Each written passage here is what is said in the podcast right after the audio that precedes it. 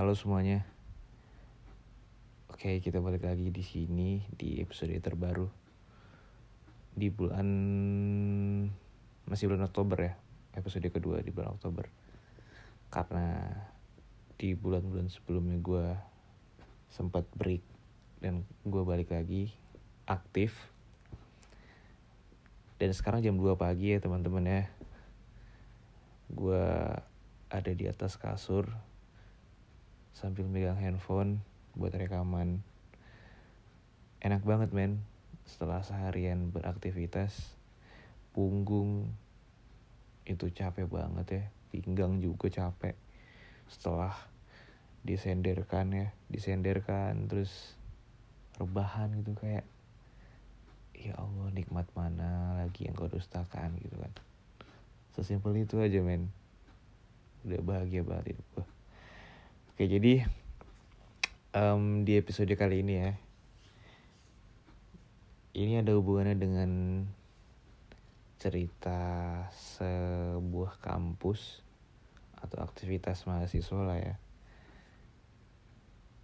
yang berjudul kuliah malam. Nah berhubung gue ini juga masih anak kuliahan ya mungkin di tempat lu pada ada kuliah malam atau mungkin ada yang kuliah pagi doang atau mungkin ada kuliah pagi sama kuliah malam. Tapi kalau di tempat gua memang ada shift khusus untuk kelas malam. Jadi ada anak malam ada anak pagi. Itu beda. Dari dari kelasnya juga beda. Malam pagi kan. Kalau mungkin orang lain kuliah pagi kuliah malam tuh mungkin tambahan tapi ini tempat gue beda. Emang ada emang memang ada kelas khusus buat malam. Nah ini judulnya kuliah malam nih. Ya lumayan relate lah sama gue karena gue juga pernah masuk malam karena dosen yang ngerangkap gitu kan.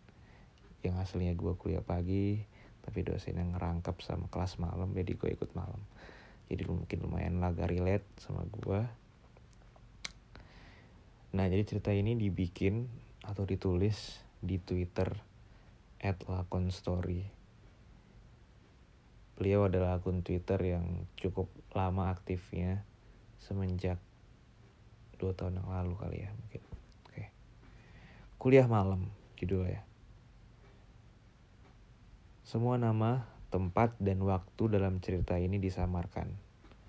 Mohon maaf jika ada kesamaan Kamis pukul 19 lewat 00 malam. Alarm kecil yang kuletakkan di samping ranjang kosku. Waktu itu tiba-tiba bergetar dan berbunyi dengan suara yang sangat keras. Kring, kring, kring. Mendengar hal itu, aku yang sebelumnya hanya sibuk mengotak-ngatik ponselku, malam itu tentu saja seketika bersiap mengingat bunyi alarm tersebut menandakan jika tepat satu jam lagi aku ada jadwal baru mata kuliah yang harus kulakukan. Jadwal tersebut selain masih pertama bagiku, jam yang akan berjalan adalah di jam 20 lewat 00 atau sekitar 8 malam atau biasa kami para mahasiswa menyebutnya dengan sebutan kuliah malam. Di situ, tentu saja aku pun segera menyiapkan semua buku dan perlengkapan yang harus kubawa saat mata kuliah malam tersebut ada. Dan tidak hanya itu, karena waktu itu aku malas untuk pergi mencari makan, akhirnya aku pun memutuskan untuk hanya membawa roti yang nantinya akan kumakan di dalam kelas. Ah, mending ku bawa roti ini aja lah daripada beli makanan biar lebih hemat pikirku dalam hati sambil memasukkan dua buah roti yang saat itu memang tergeletak di atas meja kecil kamarku. Namun anehnya, belum selesai aku mempersiapkan semua itu, tiba-tiba ponselku berbunyi dengan notifikasi yang menandakan jika saat itu Niken salah satu temanku, teman kuliahku, ternyata sedang menghubungiku. Halo Ken, ada apa? Ucapku sambil tanganku yang terus memasukkan satu persatu buku ke dalam tas. Aku gak masuk ya Del, badanku sakit semua. Nanti kalau ada tugas, aku kabarin ya. Jawab Niken. Yang waktu itu terdengar seperti kurang enak badan. Mengetahui hal itu, aku pun sedikit kecewa karena aku pun tahu di kelas kuliah malam tersebut mahasiswa lain yang ku kenal hanyalah Niken. Selain Niken, aku sama sekali tidak mengenal yang lainnya. Karena banyak dari mereka yang berasal dari jurusan yang berbeda denganku. Ya sudah, cepat sembuh ya Ken. Kamu ini baru pertama kali ada kuliah malam, udah gak masuk. Kan aku jadi sendirian. Kataku. Ya mau gimana lagi Del. Badanku gak kuat. Jawab Niken. Dan setelah obrolanku via telepon dengan Niken selesai, akhirnya aku pun berangkat dengan berjalan kaki menuju kampusku yang memang berjarak sekitar 200 meter dari tempat kosku. Sepanjang perjalanan, tentu saja aku hanya diam sambil sesekali melihat bagaimana kondisi lingkungan yang waktu itu sedikit sepi dan tidak seperti biasanya.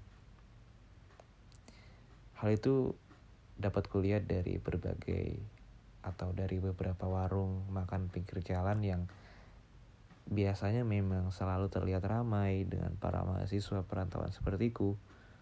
Namun malam itu terlihat berkurang pengunjungnya dengan hanya ada satu atau dua mahasiswa saja. Hmm, tumben jalanan ini sepi. Biasanya selalu ramai. Pikirku dalam hati sambil kakiku yang terus saja melangkah tidak berhenti. Dan akhirnya tanpa memperdulikan semua itu, aku pun melakukan melanjutkan melanjutkan perjalananku menuju kampusku yang memang terletak persis di ujung jalan yang kulalui waktu itu. Singkat cerita, setelah beberapa lama kemudian, aku pun akhirnya sampai di gerbang utama kampusku yang malam itu terlihat sepi dengan hanya ada bapak satpam yang sibuk menonton pertandingan bola. Pak, sapaku sopan sambil tidak sekalipun menghentikan langkahku. Loh, Mbak Adel, ada jadwal kuliah, dek. Sapa Pak Satpam tersebut. Iya pak, jawabku singkat. Kok tumben sendirian? Iya nih pak, teman-teman pada gak masuk.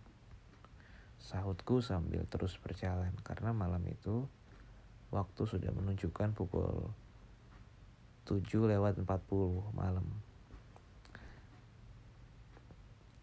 Dan anehnya, setelah beberapa lama berjalan, aku seolah baru menyadari jika waktu itu keadaan kampusku juga benar-benar terlihat sepi dengan tidak ada siapa pun yang terlihat warawiri.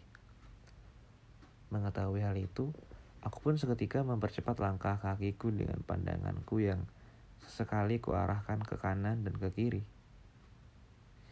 Buset. Jadi begini ya rasanya kuliah malam. Sepi banget nih kampus. Pikirku dalam hati. Namun anehnya, setelah beberapa lama aku berjalan menyusuri jalanan yang ada di dalam area kampus, Tiba-tiba aku dikejutkan dengan suara teriakan yang terdengar memanggil-manggil namaku dari kejauhan. Adel, Adel. Mendengar hal itu, pandanganku pun teralihkan ke salah satu sudut yang ternyata malam itu adalah Siska yang sedang menyapaku. Oh, ternyata Siska. Kamu mau ke mana Del? Imbuhnya. Aku ada jadwalnya Bu Farah. Sendirian. Di mana? Jawab Siska yang terlihat sambil berjalan mendekatiku. Katanya sih di gedung 4, lantai 7, ruangnya pojokan sana. Ucapku sambil berhenti sejenak. Mendengar ucapanku, Siska yang sebelumnya terlihat tersenyum menyapa aku, malam itu tiba-tiba terlihat kaget dengan raut wajah yang seolah tidak percaya dengan apa yang barusan aku katakan. Hah, yang benar. Eh, jangan sendirian Del, sahut Siska. Namun, karena waktu yang kurasa sudah semakin semakin mepet, Aku pun akhirnya memutuskan untuk pergi meninggalkan Siska karena aku takut ketinggalan mata kuliah yang sepertinya sudah akan dimulai tersebut. Nanti aja ya sis, kalau udah pulang aku main ke kosmu. Sekarang aku buru-buru. Ya udah ya, bye. Jawabku, karena aku menganggap akan terlambat jika aku harus mengobrol dengan Siska. Mengetahui hal itu, Siska yang sebelumnya berjalan ke arahku pun tiba-tiba terlihat berhenti dengan tatap dengan tetap menetap dengan tetap menatap ke arah wajahku dengan tatapan yang sedikit keheranan dan singkat cerita setelah aku pergi meninggalkan Siska malam itu aku pun melanjutkan langkahku menuju ke arah gedung yang memang terletak di bagian paling ujung kampusku. Di situ aku sedikit mempercepat langkahku karena waktu yang saat itu sudah semakin mepet hingga akhirnya tepat pukul 20 lewat 00 aku pun sampai di gedung tujuanku dan mulai menaiki tangga satu persatu untuk menuju lantai paling atas yaitu lantai 7 yang di mana di lantai itulah mata kuliahku akan dilakukan. Malam itu di lantai kedua, ketiga, dan empat, aku masih melihat adanya beberapa mahasiswa lain yang terlihat masih nongkrong dan ada juga yang terlihat berjalan turun. Namun anehnya, ketika aku sampai di lantai lima, keadaan gedung waktu itu sudah benar-benar terlihat sangat sepi. Lampu penerangan yang terlihat ada beberapa yang mati, ditambah hawa dingin yang terasa menghampiri, membuatku waktu itu memang sempat berpikir jika sepertinya aku tidak seharusnya berada di gedung ini. Kok pikiranku jadi gak enak gini ya? Jangan-jangan aku salah gedung. Kok sepi banget sih? Pikirku.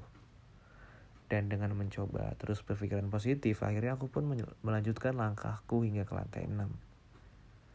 Suasana lantai 6 bisa dibilang tidak berbeda dengan lantai 5 sebelumnya Hawa yang semakin dingin dengan pandangan yang semakin gelap membuat langkah kakiku yang sebelumnya cepat waktu itu perlahan seketika kupelankan. Dan untungnya meskipun suasana lantai 6 terlihat sangat mencekam, waktu itu aku masih melihat adanya ibu-ibu yang terlihat dari kejauhan sedang menyapu lantai dengan posisi tubuhnya yang sedikit menunduk layaknya orang bungkuk dan mengetahui hal itu, perasaanku pun sedikit lega. Yang akhirnya, aku pun dengan mantap melanjutkan langkahku menaiki tangga menuju ke arah lantai puncak, yaitu lantai tujuh. Alhamdulillah, masih ada orang bersih-bersih. Jadi gak sepi-sepi amat, pikirku dalam hati. Namun anehnya, sesampainya aku di lantai tujuh, Aku seketika terkejut bukan main karena saat itu keadaan lantai tujuh benar-benar sepi dengan tidak adanya satupun lampu yang terlihat menyala menerangi. Dan tidak hanya itu, selain sepi, kondisi lantai tujuh tersebut sangatlah kotor. Seolah-olah tidak pernah digunakan untuk kegiatan belajar mengajar. Hal itu tentu saja dapat terlihat dari meja dan kursi di setiap ruangan kelas yang masih terlihat berantakan ditambah kaca-kaca yang juga ada yang terlihat pecah tidak karuan. Mengetahui hal itu, aku pun seketika menghentikan langkahku dengan perasaan yang mulai campur aduk tidak karuan karena selain kebingungan waktu itu aku juga mulai perlahan ketakutan waduh kok serem kok serem begini sih pasti aku salah informasi nih pikirku dalam hati sambil aku yang mulai mengeluarkan ponselku agar bisa segera menghubungi Niken. Namun anehnya belum selesai aku berusaha menghubungi Niken, Malam itu tiba-tiba aku dikejutkan dengan suara langkah kaki menaiki tangga yang terdengar dari bawah dan menuju ke arah lantai tempatku berdiri. Plak, plak, plak, plak, plak, plak, plak. Mendengar hal itu, aku pun sedikit terkejut sambil terus menatap ke arah ujung tangga dengan perasaan yang penasaran. Siapakah sumber suara langkah kaki yang kudengar tersebut? Hingga akhirnya setelah beberapa saat kemudian aku pun melihat adanya beberapa laki-laki dan perempuan yang terlihat sampai di lantai tersebut. Lalu mereka berjalan melewatiku begitu saja dengan tidak sekalipun menghiraukanku yang memang berdiri tidak jauh darinya. Dan anehnya, beberapa anak tersebut terlihat terus berjalan ke arah ruang pojokan yang di mana di ruangan itulah tempat yang akan aku gunakan di jadwal mata kuliah semalam mata kuliah malam tersebut mengetahui hal itu aku pun seketika kembali terkejut karena ruangan pojokan itu yang sebelumnya aku lihat gelap dan kosong tiba-tiba terlihat menyala dengan lampu yang redup dan kurang terang dan mengetahui hal itu, aku pun seketika bergegas mengikuti langkah beberapa mahasiswa tersebut karena aku menganggap aku memiliki jadwal yang sama dengan mereka. Dan singkat cerita, sesampainya aku di ruangan pojokan tersebut, pikiranku yang sebelumnya sudah kebingungan waktu itu semakin bertambah menjadi keheran-heranan karena saat itu ternyata di ruangan tersebut sudah ada beberapa mahasiswa yang duduk saling berjauhan, namun tidak terlihat saling berbincang-bincang. Mengetahui hal itu, aku pun perlahan memasuki ruangan kelas tersebut dengan tatapan yang terus kuarahkan ke arah semua mahasiswa yang saat itu memang terlihat sangat mencurigakan. Hingga akhirnya, tanpa memperdulikan semua itu, aku pun duduk di salah satu bangku yang ada di ruangan itu dengan perasaan yang terasa semakin lama sudah semakin tidak bisa aku jelaskan. Malam itu, satu persatu mahasiswa yang saat itu ada dalam ruangan tersebut, kuperhatikan dengan lebih teliti lagi dengan sekali aku menoleh ke kanan dan ke kiri, karena aku sebenarnya merasakan jika aku seolah-olah sedang tidak ada di kampusku sendiri. Kok rasanya asing banget ya? Aku gak kenal mereka semua. Jangankan kenal, lihat wajah mereka aja aku sepertinya belum pernah. Pikirku dalam hati, sambil tatapanku yang terus aja aku, aku arahkan ke sana dan kemari. Dan sayangnya, belum lama aku duduk dan memperhatikan mahasiswa yang ada di ruangan tersebut. Tiba-tiba aku mencium aroma busuk yang tercium kuat entah dari mana asalnya. Bahkan setelah aku cium dengan lebih dalam lagi, Aroma tersebut sepertinya berasal tidak jauh dari tempat dudukku saat itu. Mengetahui hal itu, aku pun seketika terkejut dengan perasaan yang perlahan mulai benar-benar sangatlah ketakutan. Kok bau banget sih? Sepertinya ini bau bangkai deh. Pikirku dalam tanganku yang saat itu juga seketika menutupi hidungku. Dan tidak hanya itu, sekitar 15 menit aku duduk di ruangan kelas tersebut. Aku seolah-olah juga baru menyadari jika dari tadi semua mahasiswa yang ada dalam ruangan tersebut sama sekali tidak terlihat asing, sama sekali tidak terlihat saling bertegur sapa. Semuanya terlihat hanya diam layaknya orang yang tidak saling mengenali.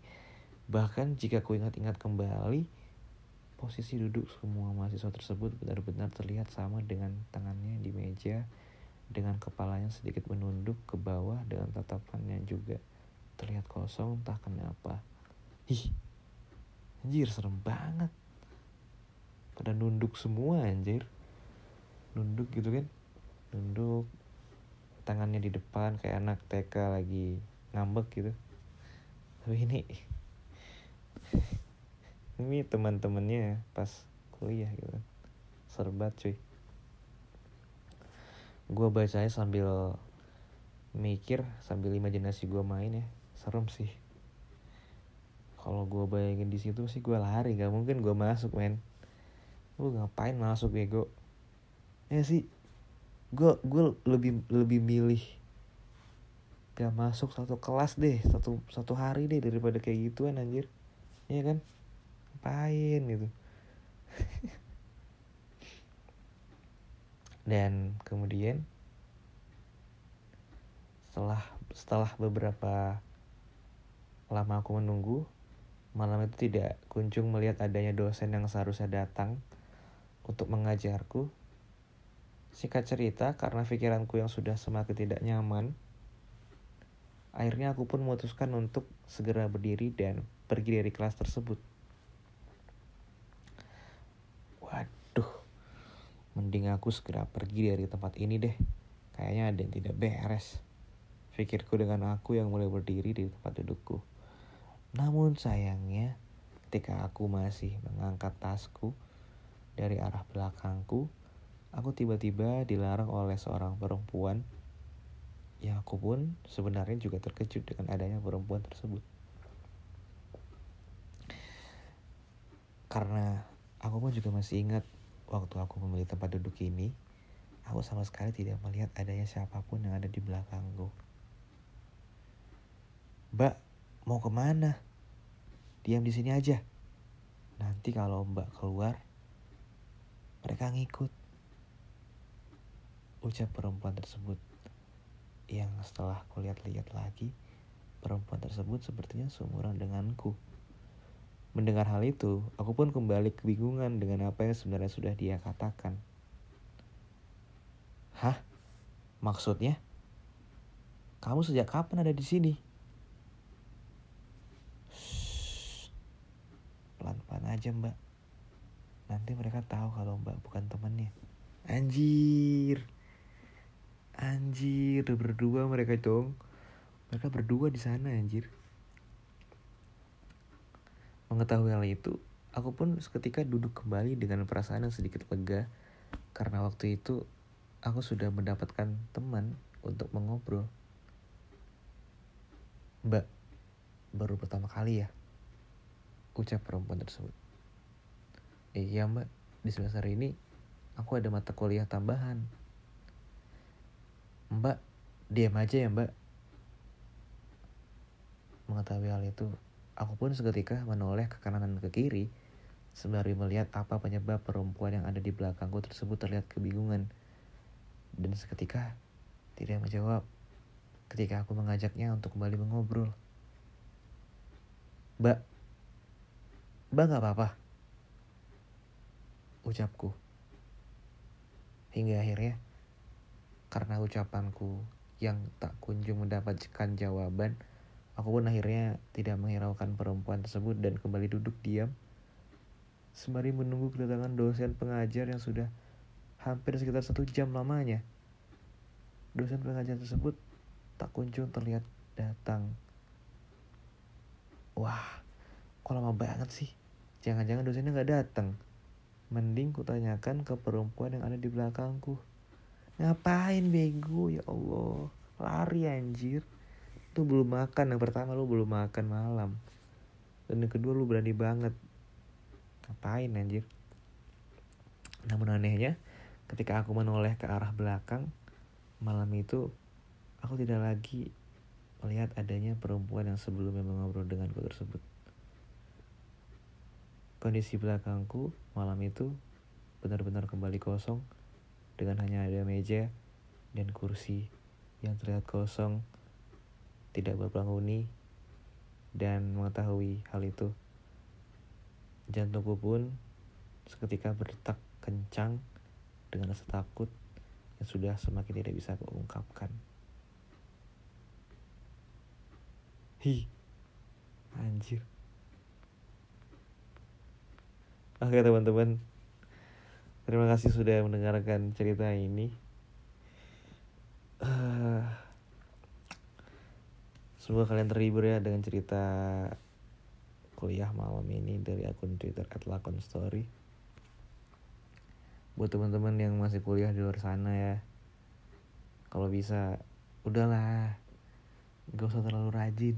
Maksud gue, kalau yang kayak tadi tuh kayak udah ngeliat hal-hal yang aneh kayak gitu, udahlah, gak usah. Gak usah kepedean gitu loh. Maksudnya udah cabut aja. Kalau udah cabut cabut aja gitu maksudnya. Kalau udah feeling gak enak cabut aja. Nggak perlu so asik gitu loh. Ngerti gak sih maksud gue? Oke deh. Mungkin itu aja dari gue. Gue Iksan. Sampai jumpa lagi di episode berikutnya. Oh ya gue minta tolong buat lo yang dengerin ini tolong di share ke grup atau ke teman-teman lo buat dengerin podcast ini lagi ya karena gue udah mulai aktif jadi Terima kasih sudah mendengarkan, terima kasih sudah share ke teman-temannya. See you di episode berikutnya. Bye.